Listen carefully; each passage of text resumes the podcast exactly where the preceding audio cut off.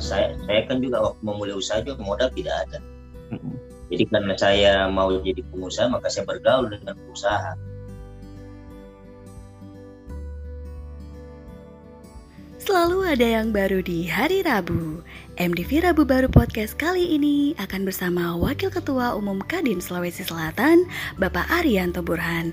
Selama satu jam ke depan akan dipandu oleh Kak Sulkifli Ate, CEO dari Sahabat Kreatif.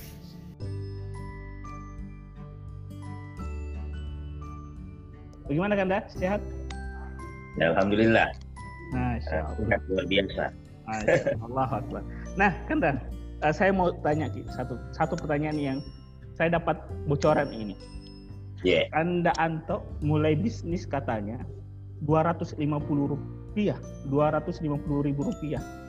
Nah kalau orang sekarang mau bisnis itu kalau tidak ada modal susah kan dah. Bagaimana bisa itu bisa bisa bisnis dari hal yang sebenarnya kecil sekali?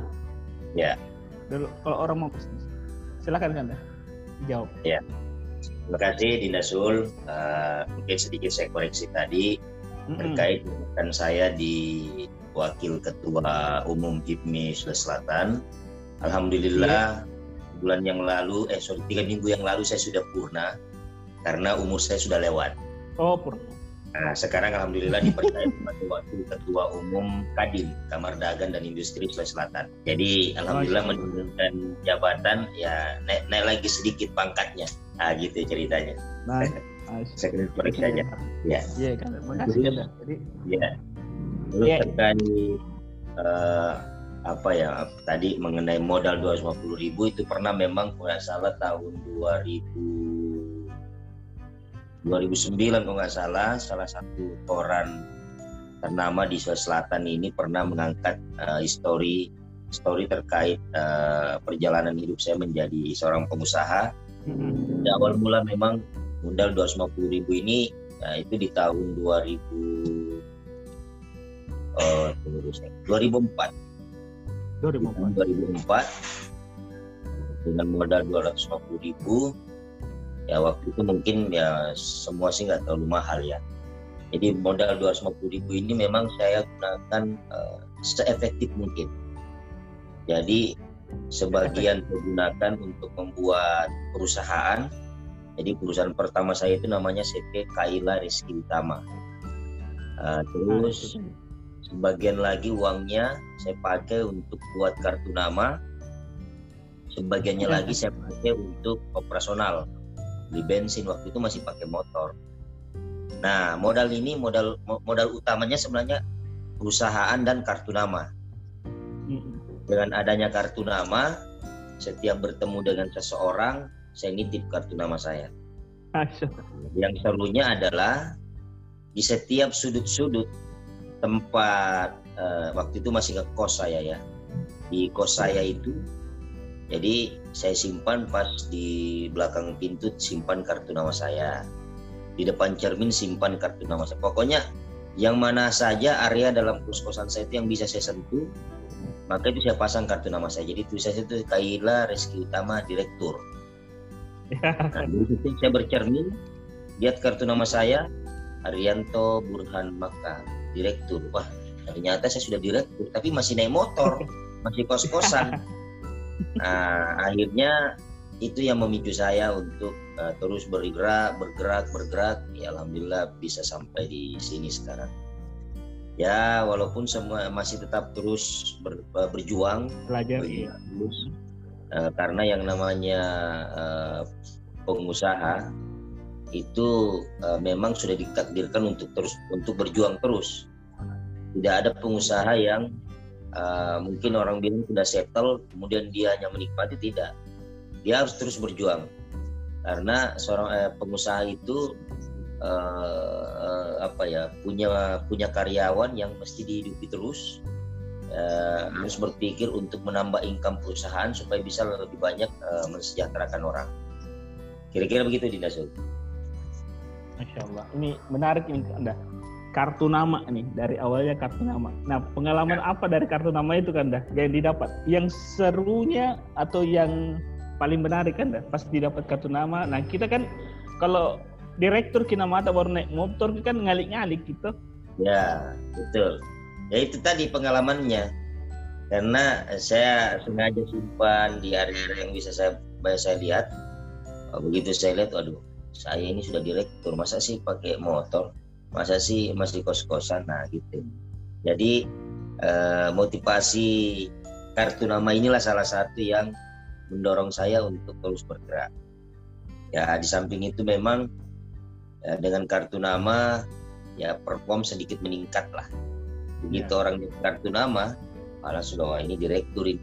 Cuma ya dulu-dulu sih kalau kalau dulu-dulu begitu ada acara uh, mau selesai acara ya kita istilahnya ini pergi cokok-cokok pergi ambil motor. jadi kita dinilai wah ini direktur baru pakai motor. Nah, oh maaf jadi uh, ya begitulah gambaran seorang pengusaha memang penting performance performance itu penting karena itu menyangkut kepercayaan tapi uh, seiring waktu begitu orang sudah mengenal nama kita ya mungkin seperti Bob Sadino yang hanya pakai celana pendek kan tapi beliau udah terkenal di mana-mana. Ya dia tidak perlu lagi performance karena namanya sudah ada di mana-mana. Orang sudah tahu orang sudah tahu uh, kredibilitas dan sebagainya makanya dia tidak perlu lagi perform sebenarnya. Nah, jadi uh, ya mungkin seperti itulah. Sama mungkin seperti saya mungkin ya. Yeah. mungkin waktu semakin tua umur orang semakin kenal usaha juga semakin baik ya saya tidak perlu lagi perform mungkin saya naik sepeda lagi mungkin ketemu sama relasi betul, betul. gitu kira-kira nah kak kita tadi bilang juga kalau bisnis itu tidak hanya untuk kita tapi untuk orang lain. Iya iya kak silakan. Kita bilang tadi bisnis hanya kita ya bicara tentang kita tumbuh besar tapi ada karyawan di situ. Nah, eh, bagaimana seorang eh, Arianto Burhan Makkah yang membangun bisnis eh, dan apa namanya melihat tidak hanya tentang dirinya tapi juga orang lain, terutama karyawan kan? Ya, bagi saya karyawan adalah uh, aset utama uh, karena mereka lah yang uh, bekerja, mereka yang tahu secara detail apa yang harus uh, dilakukan untuk uh, mengembangkan dan uh, membesarkan sebuah uh, company. Hmm. Jadi itu adalah yang terbesar. Jadi alhamdulillah bagi saya itu karyawan adalah sahabat. Bos. Karyawan itu adalah sahabat bagi saya uh, mereka selalu saya pujikan sebagai seorang sahabat uh, jadi uh, segala keluh kesah mereka itu ya tentu saya perhatikan apa yang menjadi keluh kesah mereka tentu saya perhatikan tentu uh, dan ya yang pasti dalam batas-batas kewajaran uh, ya karakteristik uh, karyawan pun juga kan pasti berbeda-beda Iya. Memang ada di kita beberapa karyawan memang yang uh, tingkat loyalitasnya tinggi, kemudian kinerjanya bagus, ada juga memang yang uh, betul-betul berpikir bagaimana caranya mendapatkan benefit dari uh, pekerjaan yang dilakukan. Nah dari karakteristik berbeda dari setiap karyawan ini ya tentu perlakuannya berbeda-beda juga tidak. Makanya ya kita memang harus pandai-pandai aja mengatur, melihat-lihat uh, siapa-siapa kira-kira apa uh, pola treatmentnya kira-kira treatment-treatment yang kita lakukan untuk uh, para karyawan-karyawan kita. Begitu, Dinda. Hmm. Jadi ada pola uh, organisasi juga kak. Jadi ini dari pengalaman tak banyak tadi sama organisasi itu juga yang diterapkan di perusahaan, gitu kak? Nah, saya terapkan. Saya terapkan seperti itu. Gitu kali. Saya terapkan uh, model ya itulah saya bilang. Model memang uh, kenapa saya bilang saya menganggap lewat sebagai sahabat karena memang saya alhamdulillah matangnya di organisasi. Mm -hmm. Itu memang matangnya di organisasi. Jadi saya paham betul uh, bagaimana mengelola uh, sumber daya manusia, bagaimana uh, treatment sumber daya manusia. Jadi saya paham betul caranya. Tidaknya saya mau nanya-nanya soal pengalaman banyak hal yang sama Kanda Burhan ini. Ya selalu sebenarnya anak-anak muda ini selalu minder. Itu karena misalnya ini Kanda, uh, kita dari kampung Ki Kodong, toh dari kampung tidak mau tidak tidak tahu apa harus dibikin. Apa yang sebenarnya di, harus dipikir sama teman-teman yang bukan yang berasal tidak dari kota terus dia berjuang dari bawah. Apa yang dia harus lakukan kalau berbicara dari kampung saya juga dari kampung Iya, iya. Mungkin saya lebih kampung dari yang lain-lain. dari Pindrang kak, dari SD, ya. Masya Allah. Jadi tahun 95 saya mulai uh, kuliah di Makassar. Mm -hmm. Saya mulai berjuang. Jadi sebenarnya persoalan kampung dengan orang uh, orang kampung apa ya itu dikotomi yang tidak perlulah. Mm -hmm. Karena uh, apalagi kalau mungkin berbicara Makassar ini Makassar itu adalah uh, wilayah heterogen uh, ya yang mana banyak lah banyak uh, mungkin lebih banyak dari kampung lah yang di Makassar itu. -hmm. Sebenarnya persoalan memulai sesuatu itu hanya persoalan kepercayaan diri aja. Kepercayaan diri. Kita membangun uh, jaringan, kemudian membangun pertemanan. Ya kalau kita mau jadi pengusaha, habitnya harus dirubah, habit kebiasaan. Kalau kita mau jadi pengusaha, maka kita harus bergaul dengan pengusaha. Tidak mungkin kita jadi pengusaha kalau kita bergaul dengan mungkin anggaplah uh, para crosser, pemain bola. Kita tidak akan jadi pengusaha. Mm -hmm. Karena habitnya harus dirubah itu yang saya lakukan di langkah-langkah awal uh, walaupun sebenarnya sebelum saya jadi pengusaha saya juga sempat jadi uh, karyawan ya. hampir 8 tahun saya jadi karyawan uh, karena ya menurut saya bagaimana mungkin saya bisa memimpin kalau saya juga tidak bisa pernah tidak pernah tidak pernah dipimpin. Kita harus pelajari bagaimana caranya untuk uh, bisa dipimpin. Jadi kepercayaan diri itu sebenarnya kak Dik yang yang membuat ya. sebenarnya tidak usah mau berpikir apa ya nanti sebenarnya kau, kau percaya diri dan bisa bergaul menempatkan posisi di apa yang mau kau bangun tadi ya, jangan pernah berpikir bahwa kita ini lebih rendah dari yang lain betul. Intinya bahwa uh, kita ini mau uh, misalnya mau menjadi pengusaha mau jadi entrepreneur maka kita harus bergaul dengan uh, uh, kelompok-kelompok pengusaha. Kalau kita merasa minder justru uh, kalau ada ya misalnya nih uh, sampaikan aja ke saya sih kalau besok besok ada mungkin uh, pengusaha atau mungkin pengusaha-pengusaha muda yang dua bulan tiga bulan tidak mau bergaul dengan orang yang mau belajar jadi pengusaha sampaikan ke saya nanti hmm. yang teguh keras saya yakin dia bukan pengusaha bisa jadi mungkin dia hanya menikmati kekayaan orang tuanya ngakunya sebagai Betul. pengusaha jadi banyak memang orang minder seperti itu melihat waduh itu kelompok ini kelompoknya semua jet set dan sebagainya padahal tidak. Orang hanya menilai. Kita mungkin ya persoalan tapi kami kan tidak mungkin juga mau ngajakin terus. Ya teman-teman yang memang punya keinginan untuk jadi pengusaha silahkan kalau di kampus ada namanya HIPMI perguruan tinggi silahkan bergabung di HIPMI perguruan tinggi. Kalau ada apa-apa misalnya merasa disisihkan dan sebagainya atau mungkin ada penghinaan, oh silahkan lapor saya. Saya akan memberi sanksi yang sangat tegas karena saya sekarang posisi sebagai pembina di HIPMI Sulsel. Hmm. Gitu. Jangan minder, ya, bergaul saja. Ya. Eh, kalau perlu minta kartu namanya Kak Burhan. Kanto. Iya. Minta kartu nama. Nanti kalau mau ada yang minta nomor telepon nanti saya kasih. Masya Allah. Burhan saya kasih nanti.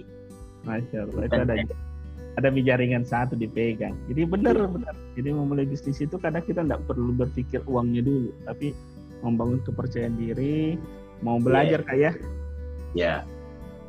Kadang ada juga kadang-kadang kak anak muda, ini anak muda ya bicara tentang yang uh, betul-betul baru mau belajar. Uh, attitude nggak ada kan, skill oke okay, oke okay, skill banyak, jago dari sebanyak hal, tapi attitude itu kalau dibilang 0%. Bagaimana kak? Baik, itu juga penting. Sangat penting ya itu. Apalagi dalam dunia bisnis Mm-mm. Sebenarnya uh, saya saya selalu bilang sama teman-teman bisnis ini bukan persoalan kita mengumpulkan uang pada hari ini. Bisnis mm adalah bagaimana kita uh, membangun kepercayaan, membangun attitude uh, untuk uh, investasi masa depan. Jadi kalau ada pengusaha yang tidak punya attitude, nah itu bukan pengusaha namanya, itu pedagang. Itu pedagang itu. Mm-mm. Karena seorang pengusaha harus punya attitude yang baik harus punya attitude yang baik kalau seorang pengusaha kalau tidak punya attitude yang baik pedagang namanya ini ada poin yang keren dari kak uh, Anton bisnis adalah membangun kepercayaan attitude untuk masa depan jadi investasi sebenarnya itu attitude karena ya. kadang-kadang nggak langsung tiba-tiba kak mau anu loncat nih prosesnya ya makanya kan begini banyak orang berpikir Nah, bagaimana kalau saya tidak punya modal untuk memulai? Yang modal utamanya adalah modal kepercayaan. Attitude Hmm. penting, sikapnya dan sebagainya. Bisa jadi Anda tidak punya uang, tapi eh, relasi Anda punya uang, ya itu yang membantu. Gitu. Hmm. Jadi uang bukan semata-mata modal utama, karena banyak juga orang yang punya uang. Ya tidak bisa melakukan apa-apa. Gitu, karena ya mungkin merasa bahwa saya punya uang apalagi mungkin kelompok-kelompok anak orang kaya yang yang lahir memang sudah merasakan nikmatnya AC dan sebagainya akhirnya begitu dia besar ah, begitu dia besar dia merasa bahwa ya, semua bisa dibeli dengan uang padahal tidak semuanya semua eh, walaupun semua membutuhkan uang jadi semua membutuhkan uang tapi tidak semua bisa dibeli dengan uang. Nah, gitu. Nah dalam dunia bisnis pun seperti itu. Dalam dunia pengusaha seperti itu. Eh, kita kadang berpikir bahwa wah saya dengan pro, apa proyek ini nanti dengan uang yang saya punya saya akan bisa milik padahal tidak semuanya. Ada beberapa hal yang tidak bisa di, di dibarter dengan uang.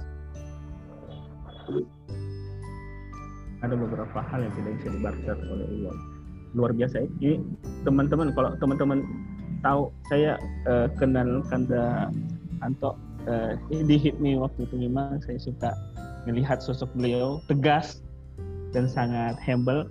Ya jadi eh, ada memang yang tidak bisa dibeli sama uang termasuk kepercayaan tadi. Dan itu kalau kita lihat sekarang ke Anto itu tidak bisa lihat sekarangnya tapi lihat bagaimana pengalaman beliau. Susah-susah senangnya susahnya kak dulu kak. Waktu susah-susah itu apa yang pernah kakak lakukan waktu susahnya? Susahnya kalau mau dicerita waduh sangat panjang. Intinya bisa sedikit kak. Dulu jadi karyawan eh, ya untuk awal itu masih gaji kalau nggak salah satu juta eh, satu juta enggak satu juta delapan ratus ribu. Gaji 800 awal. ribu. Mm. ya dan gaji delapan ratus ribu hidupin eh, anak waktu itu masih satu istri terus ya bayar kontrakan rumah Mm-mm. ya, beli susu ah, dan sebagainya lah ya ujung-ujungnya kadang utang kalau nggak utang ya saya kerja kadang kerja kerja apa sih bantu-bantu tukang-tukang itu. Ngangkat-ngangkat campuran dan sebagainya Wih, jadi eh, ya biasa lah kalau sudah kurang uang seperti itu ya kita terpaksa cari sampingan lah gimana caranya supaya bisa nambah-nambah uang untuk bawa pulang ke rumah. Jadi kadang juga eh, apa ya eh, bantu-bantu teman-teman misalnya eh, di rumah mungkin ada kegiatan-kegiatannya kita bantu-bantu. Jadi kadang dapat pulang ke rumah dapat dua puluh ribu, tiga puluh ribu ya bawa pulang minimal pulang itu ya udah ada disimpan untuk beli susu anak gitu. Jadi kalau cerita sedih wah banyak sekali. Sudah hampir lah ya dengan tempat-tempat kesedihan ya justru itu membuat mental semakin kuat. Seperti itu. Oke. Dengan kesedihan dari jatuh bangun bangunnya itu itu malah nambah semangat kak ya bukan menjadi tempat putus asa Nah, iya, seorang pengusaha harus punya semangat juang yang tinggi. Gak bisa kalau semangat juangnya rendah nggak bisa. Hmm. Harus punya semangat juang yang tinggi. Nah, terkait anu Kak, organisasi di di HIPMI kemarin kan eh, banyak eh, kegiatan-kegiatan juga yang eh, Kakak bikin di HIPMI. Terus sekarang di Ketua Garda Nusantara. Apa fokusnya eh, eh, Garda Nusantara terkait eh, apa Kak eh, entrepreneur khususnya anak muda Kak? Garda Nusantara ini adalah salah satu organisasi kemasyarakatan yang ada di Sulawesi Selatan. Uh, tapi khusus untuk pengembangannya lebih pada pengembangan yang terpenuh. Jadi kami mengkader uh, kader-kader Garda Nusantara itu menjadi uh, ya yang jadi yang sudah jadi pengusaha kita kawal mereka sudah menjadi pengusaha yang settle, uh, yang belum jadi pengusaha kita buatkan jalan bagaimana caranya dia jadi pengusaha Mm-mm. jadi kami lebih fokus pada uh, pembinaan entrepreneur pembinaan pengusaha Garda Nusantara.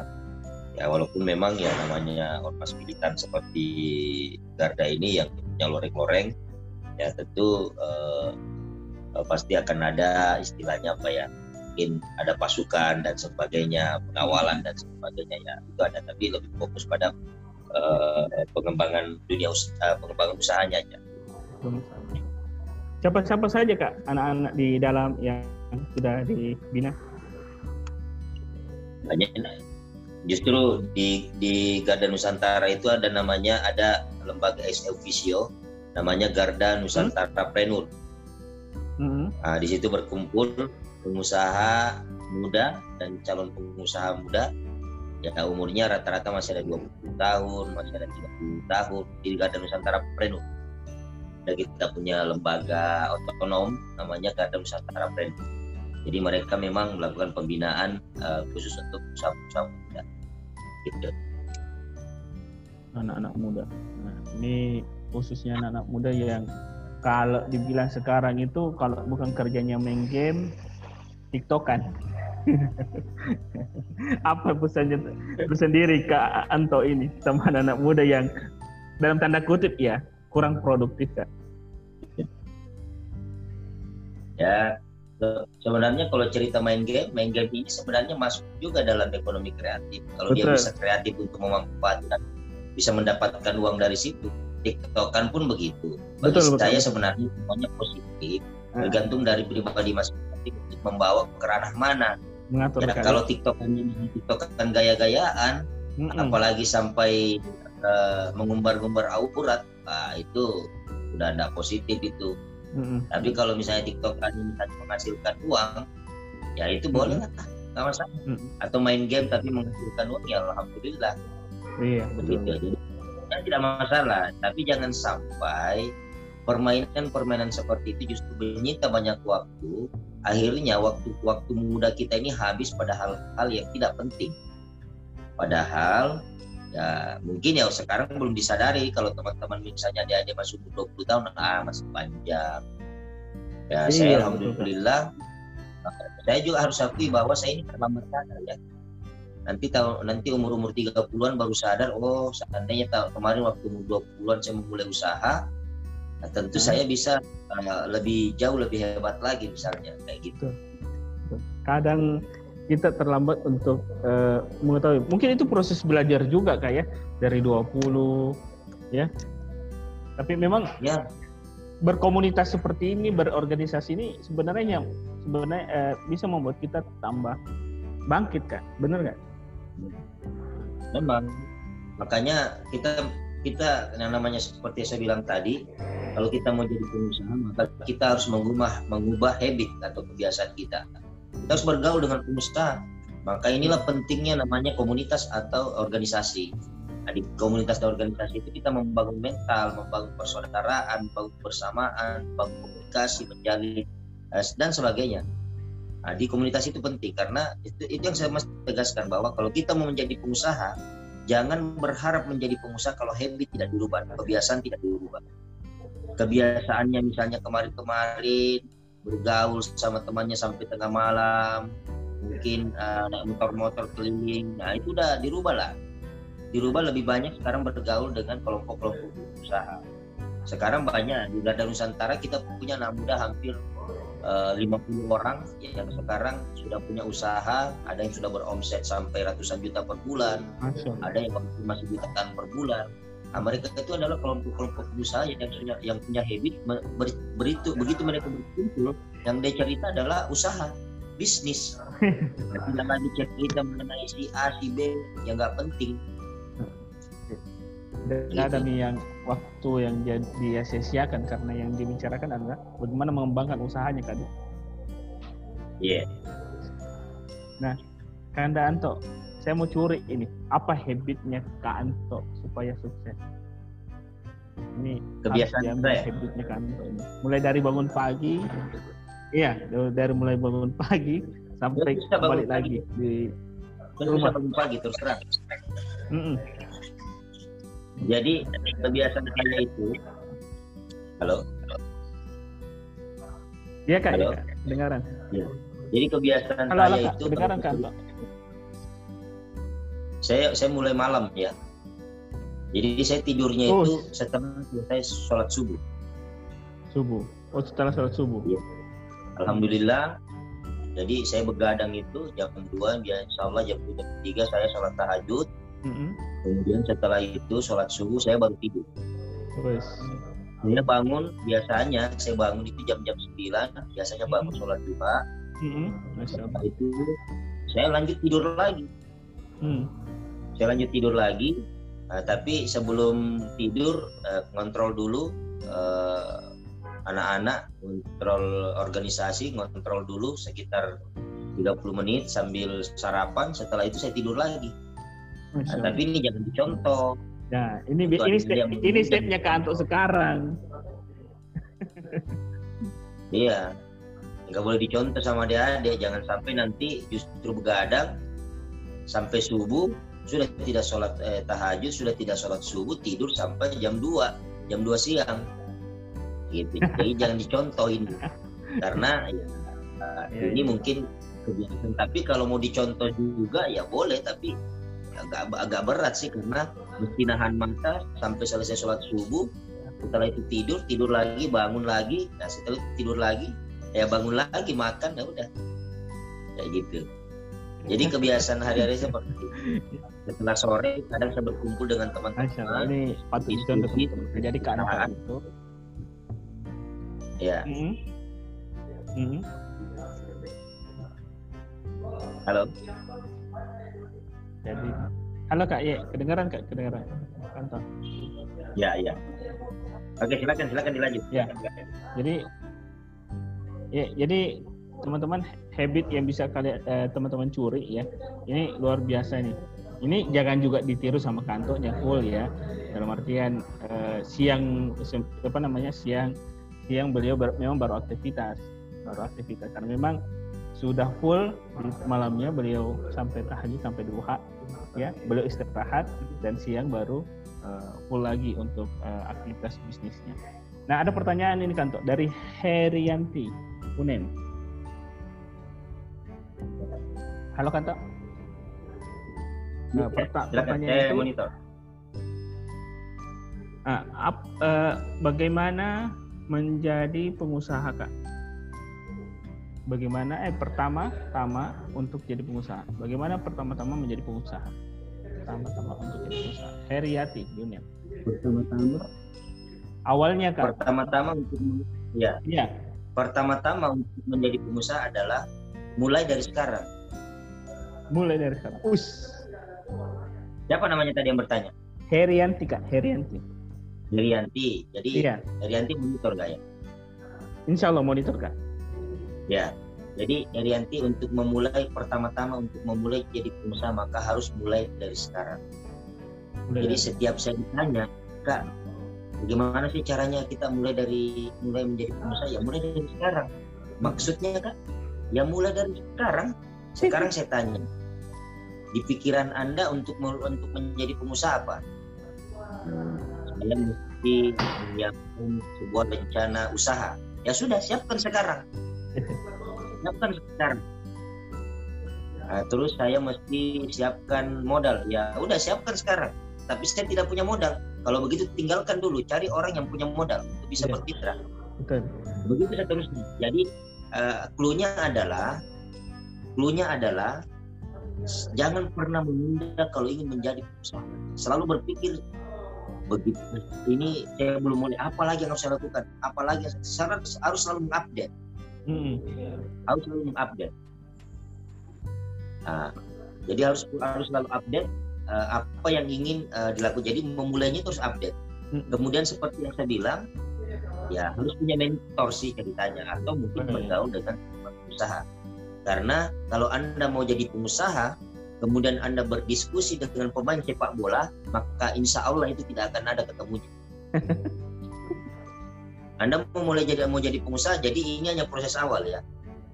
Eh, mementori seorang pengusaha itu tidak tidak tidak eh, se- eh, apa eh, sekarang aja Mm. jadi misalnya nih, mungkin Herianti nanti tolong dicatat aja nomor saya. Mm-mm. Nah, nanti kalau misalnya betul-betul jadi pengusaha, mau jadi pengusaha, silakan kita kontakkan. Nanti saya arahkan misalnya bergabung dengan komunitas-komunitas saya. Begitu. Siap, siap. Nah, eh, ini ada Jadi yang dari simpelnya bahwa ya silakan mulai dari sekarang. mulai dari Pokoknya sekarang. kuncinya adalah sekarang. Jangan, Jangan pernah menunda jika ingin menjadi pengusaha. Betul. Apalagi kalau lanjut nah lanjut tidur nah kak nanti pide besok. Nah, itu lah. nah, ya. Jadi saya ambil catatan dari kantor. Mulai dari sekarang, ya, mulai dari rencana usahanya, modalnya. Kalau tidak punya modal, cari orang yang punya modal sampai mau bekerja sama dengan kita ya teman-teman, terutama Herian. Nah, eh, kata Herianti, terima kasih Kak Anto katanya. Ya, terima kasih Herianti. Sudah jawab. Nah, ini ada menarik kayaknya.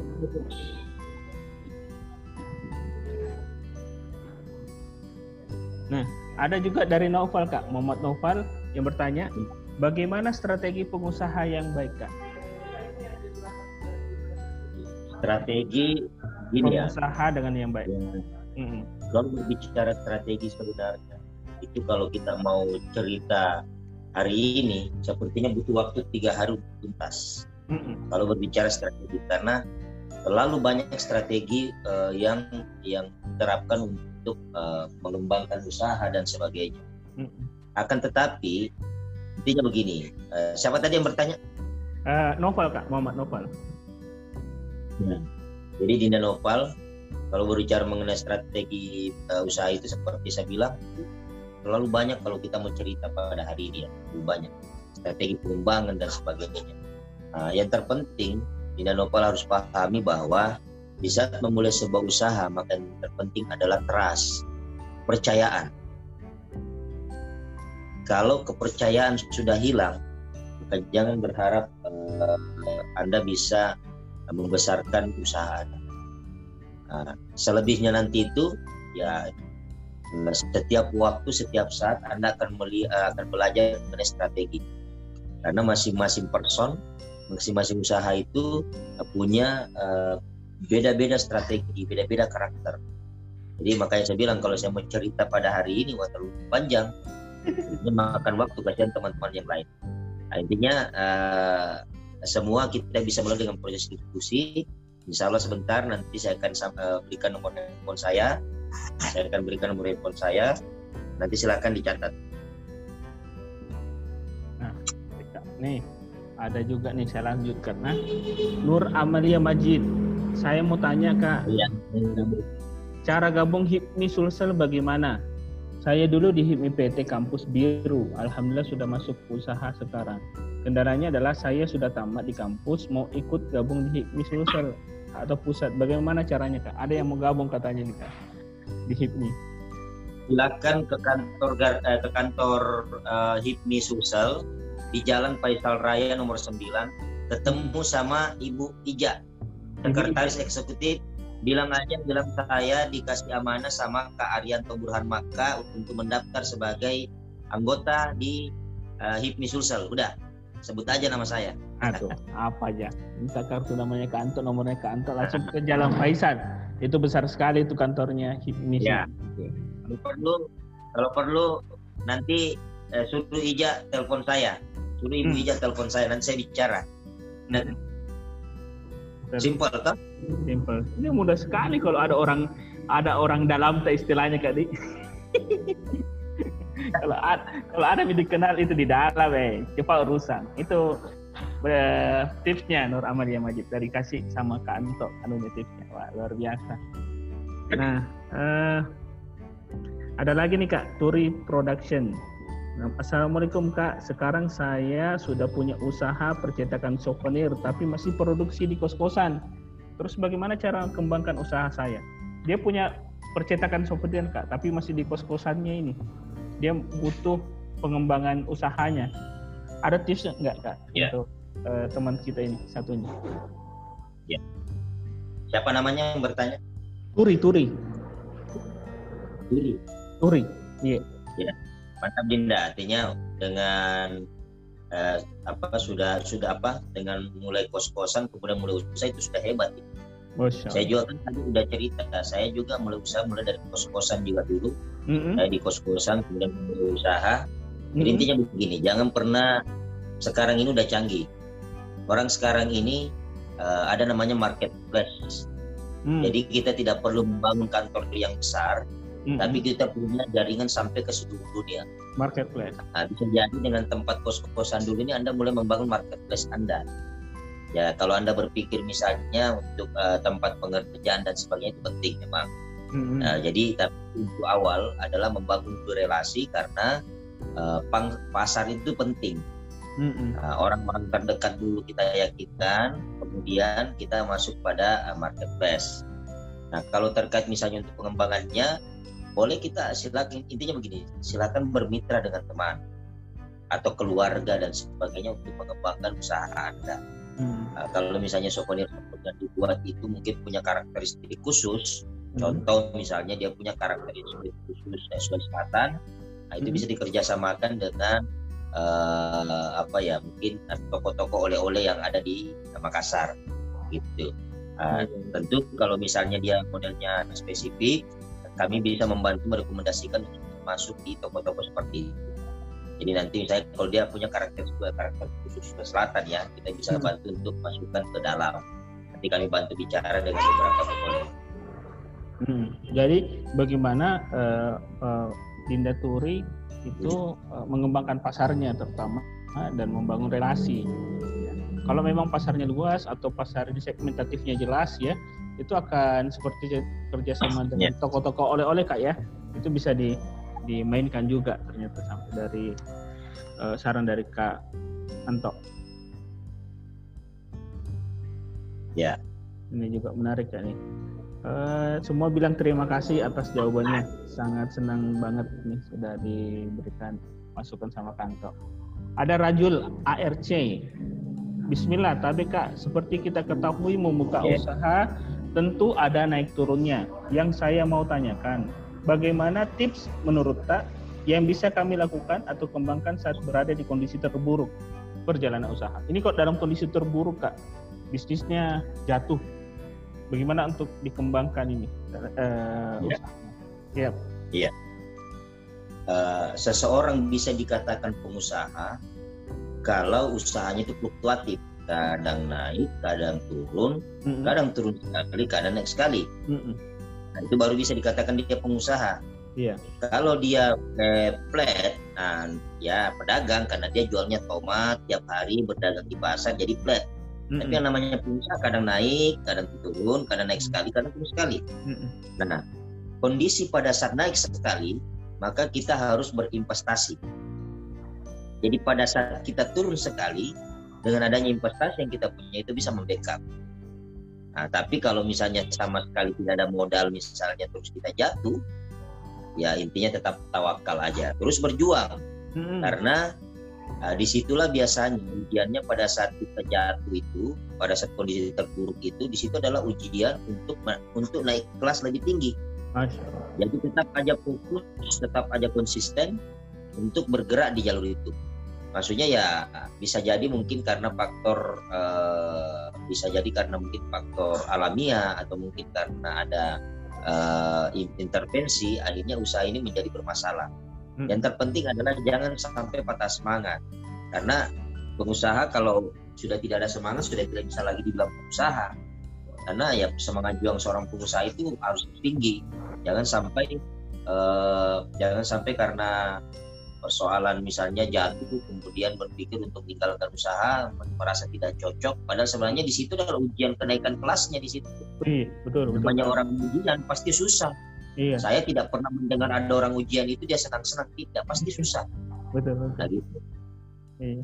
kan biasanya kalau baru dapat ujian satu kali misalnya saat corona kayak gini kan banyak usaha tutup kak karena bilang eh kayaknya nggak cocok nah. begini akhirnya kan menyerah kak itu yang ya membuat kayak kita ini pengusaha-pengusaha muda labil itu. Nah, nah jangan menyerah, rugi pak. Rugi, rugi kalau menyerah teman-teman. Sabar, insya Allah ada jalannya seperti yang Kak Anto bilang. Nah, ada yang mau bertanya langsung nih Kak. Ini Dio, eh, pendengar kita ya. yang dari Depok ini. Dio, silahkan Dio, lanjut, langsung bertanya sama Kak Anto nih. Halo Dio.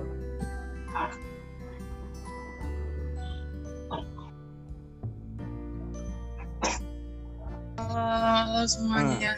Halo Tio, ya silakan bertanya tidak? Padat dan jelas, ya. Oke, lanjut. Tetap Indonesia banget. Assalamualaikum warahmatullahi wabarakatuh. Salam Dio. perkenalkan nama saya Dia Degemi Putra dan saya berasal dari Depok. Depok. Jadi um, saya sekali sama materi ini terkait bisnisnya dan pertanyaan saya itu ada beberapa di Pak. Yang pertama itu akan lama saat first impression yang berkepada baik. Nah, bagaimana dan siapan apa saja yang harus saya lakukan saat memulai bisnis agar menimbulkan first impression yang baik di mata pelanggan. Lalu yang kedua, role model pendiri di dunia bis siapa? Lalu kenapa bisa dengan tersebut? Apa yang Pak Coba dari dia? Halo Dio. Halo Dio. halo sampai. Halo Dio. Eh agak tadi agak keputus-putus Dio. Ya pertanyaan oke ulang aja. pertanyaan Jadi, satu. pertanyaan kedua kan? Ya pertanyaan satu tadi uh, belum jelas. Kalau pertanyaan kedua uh, role model kan role model bisnis. Ya. Nah, terus yang pertanyaan pertama okay. tadi apa? Jadi pertanyaan pertama tadi terkait dengan first impression. Kan sebuah bisnis akan bertahan lama kalau kita itu memilih first impression yang nih kepada pelanggan. Kira-kira persiapan nih sebelum memulai bisnis yang harus kita siapkan dulu dan langkah apa sih yang harus dilakukan agar terciptanya first impression yang baik itu di pelanggan? Sehingga pelanggan itu bakal repeat order atau bakal kembali ke dan selanjutnya itu tadi yang role model yang kenapa dan apa bisa didolakannya lalu hal apa yang contoh orang tersebut dan kira nih jika kesempatan untuk ketemu dengan ilah bapak apa yang akan melakukan Oke, pertanyaan tiga. Pertanyaan terakhir itu simple banget ya pertanyaan terakhir tuh simpel bang pak. Sumpah. Lupa dong pertanyaan ketiga. Kayaknya dua pertanyaan dulu aja. Nanti okay, kalau misalnya okay. mulai tulis tulis aja. tulis aja. tanyakan okay, tulis aja ya. Oke okay, thank you. And, uh, iya sama di, di, di, di Depok. Memang agak-agak sedikit ada gangguan anu ada gangguan sinyal ya. Kantok nih uh, first impression apa ya langkah-langkah untuk supaya apa pembeli kita itu tetap mau dekat sama kita, mau terus uh, beli sama kita. Bagaimana kak? Ya, jadi berbicara mengenai first impression atau kesan pertama mm -mm. yang harus kita berikan pada relasi atau uh, calon konsumen Mm-mm. Ya, yang terpenting memang adalah uh, bagaimana kalau gini ya, mungkin kalau dia modelnya usaha, uh, apakah dia misalnya model usaha seperti kita saya, saya ambil contoh ya mungkin agrowisata nih misalnya. Betul kak. Nah, pada saat uh, kita memberi kesan pertama kepada seorang pelanggan, maka begitu dia memasuki wilayah agrowisata, maka uh, kesan pertama yang muncul adalah dia masuk dalam sebuah wilayah yang betul-betul menenangkan hatinya.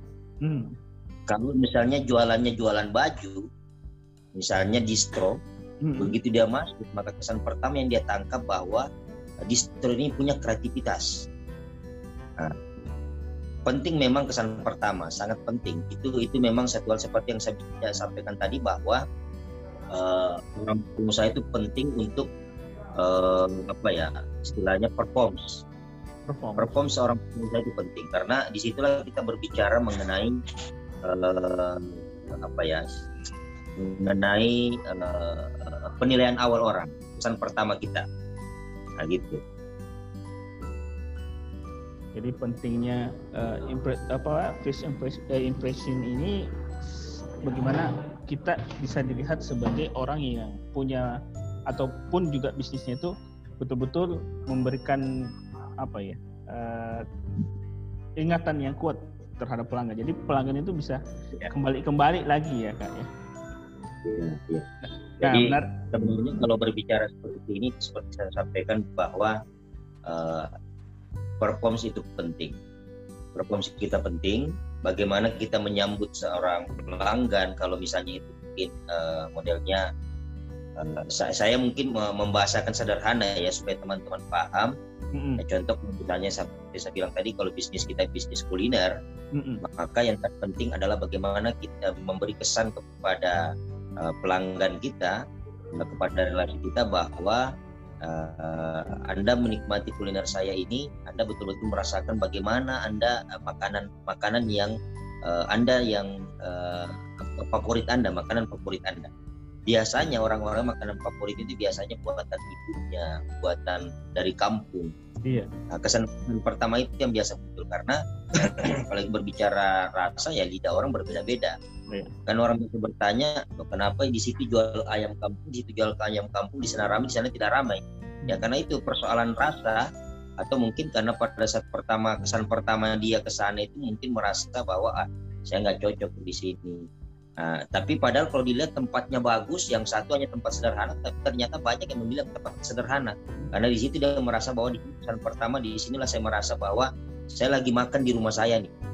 Nah, saya lagi lagi makan uh, makanan ibu saya nih. Gitu. Kira-kira begitu nah, pengertiannya. Nah itu dia ya dari pertanyaan pertama dari Dio. Nah eh, terus kedua kak role model bisnisnya Kak Anto ini siapa? Yang jadi contoh eh, kantor berbisnis ini siapa? Kata Dio nih. Dio mau curi-curi tips juga nih.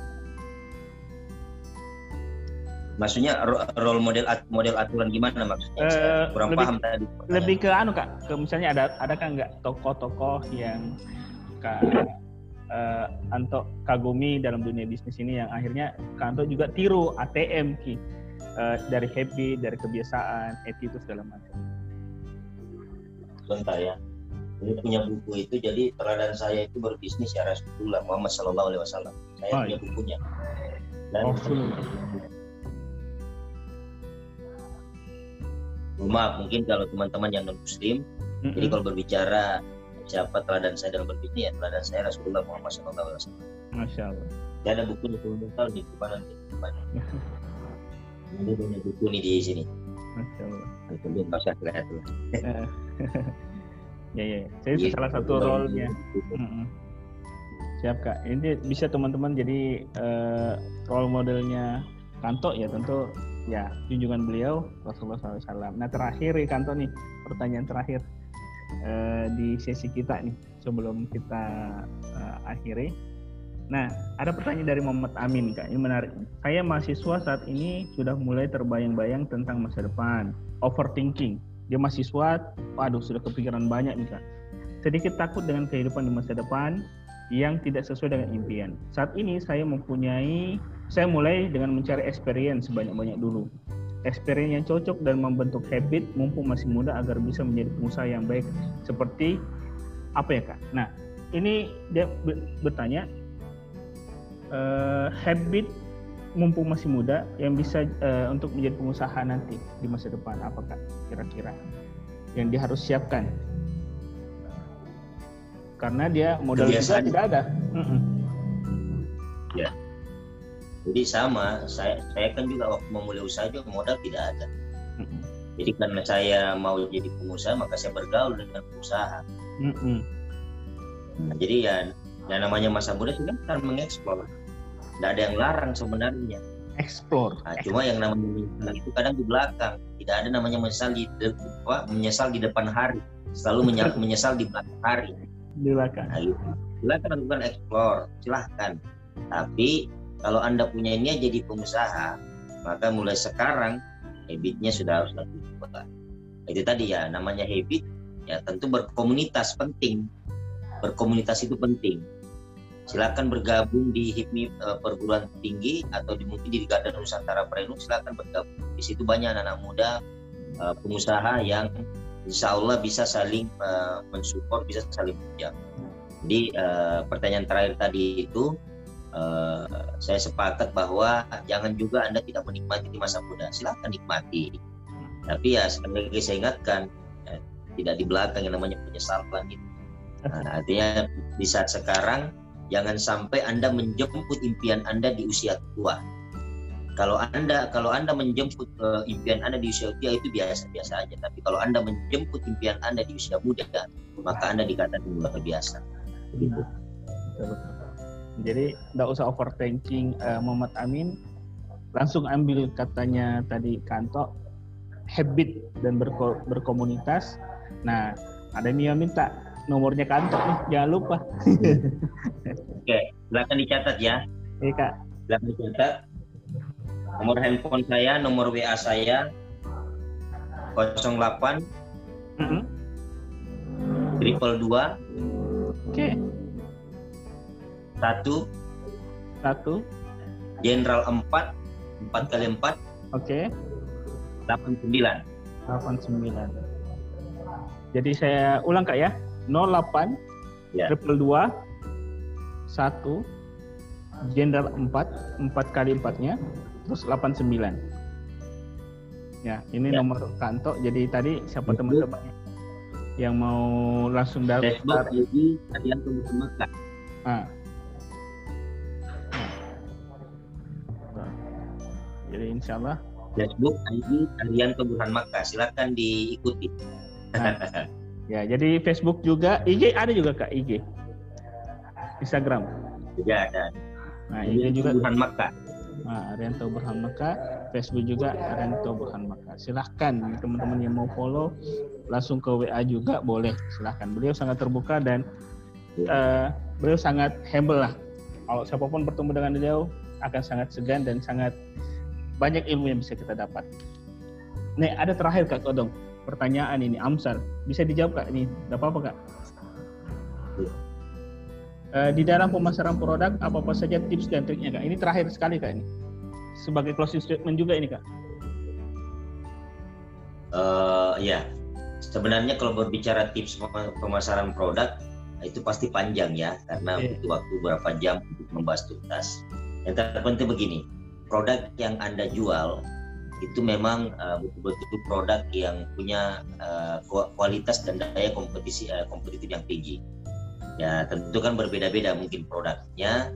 Kalau mungkin dia modelnya baju, ya silakan buat model-model baju yang yang digandrungi. Hmm. Nah, termasuk pun harga itu harga termasuk uh, murah bukan berarti bagus ya mahal pun juga bukan berarti eh, tidak bagus artinya nilainya mesti kompetitif Kompetitif. jadi kalau Bersaing. bicara tipsnya mohon maaf ini kita tidak bisa bahas mungkin secara detail ini karena pasti panjang Mm-mm. Uh, waktu juga seperti sudah sudah Setengah- masuk waktu Duhur. sholat duhur Iya. ya jadi insya Allah silakan nanti kita komunikasi by Capri. uh, WA Mm-mm. nanti kita kumpul-kumpul lah lagi kalau ada waktu lebih kayak istilahnya kopi darat lah ceritanya kan di, di, di lain waktu Iya satu jam ini.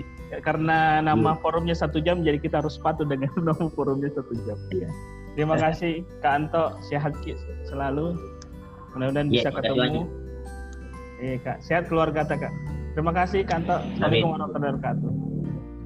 Waalaikumsalam warahmatullahi wabarakatuh Makasih Kanda. Ya, iya itu makasih itu tadi semua teman-teman dari ilmu yang beliau apa Kak bahas luar biasa sekali. Pengalaman beliau baik di organisasi maupun di bisnis. Ada nomor telepon yang beliau tinggalkan eh, yang teman-teman bisa hubungi ketika teman-teman eh, apa namanya banyak mau bertanya lagi di luar forum ini. Terima kasih. Terima kasih untuk Dio yang sudah bertanya secara langsung. Rojo ARC Muhammad Ilham di Padang. Luar biasa dan Nur Amalia Majid. Terima kasih semua. Ya, semoga bisa kumpul-kumpul lagi di forum MDV Forum Bisnis ya di bulan berikutnya ya.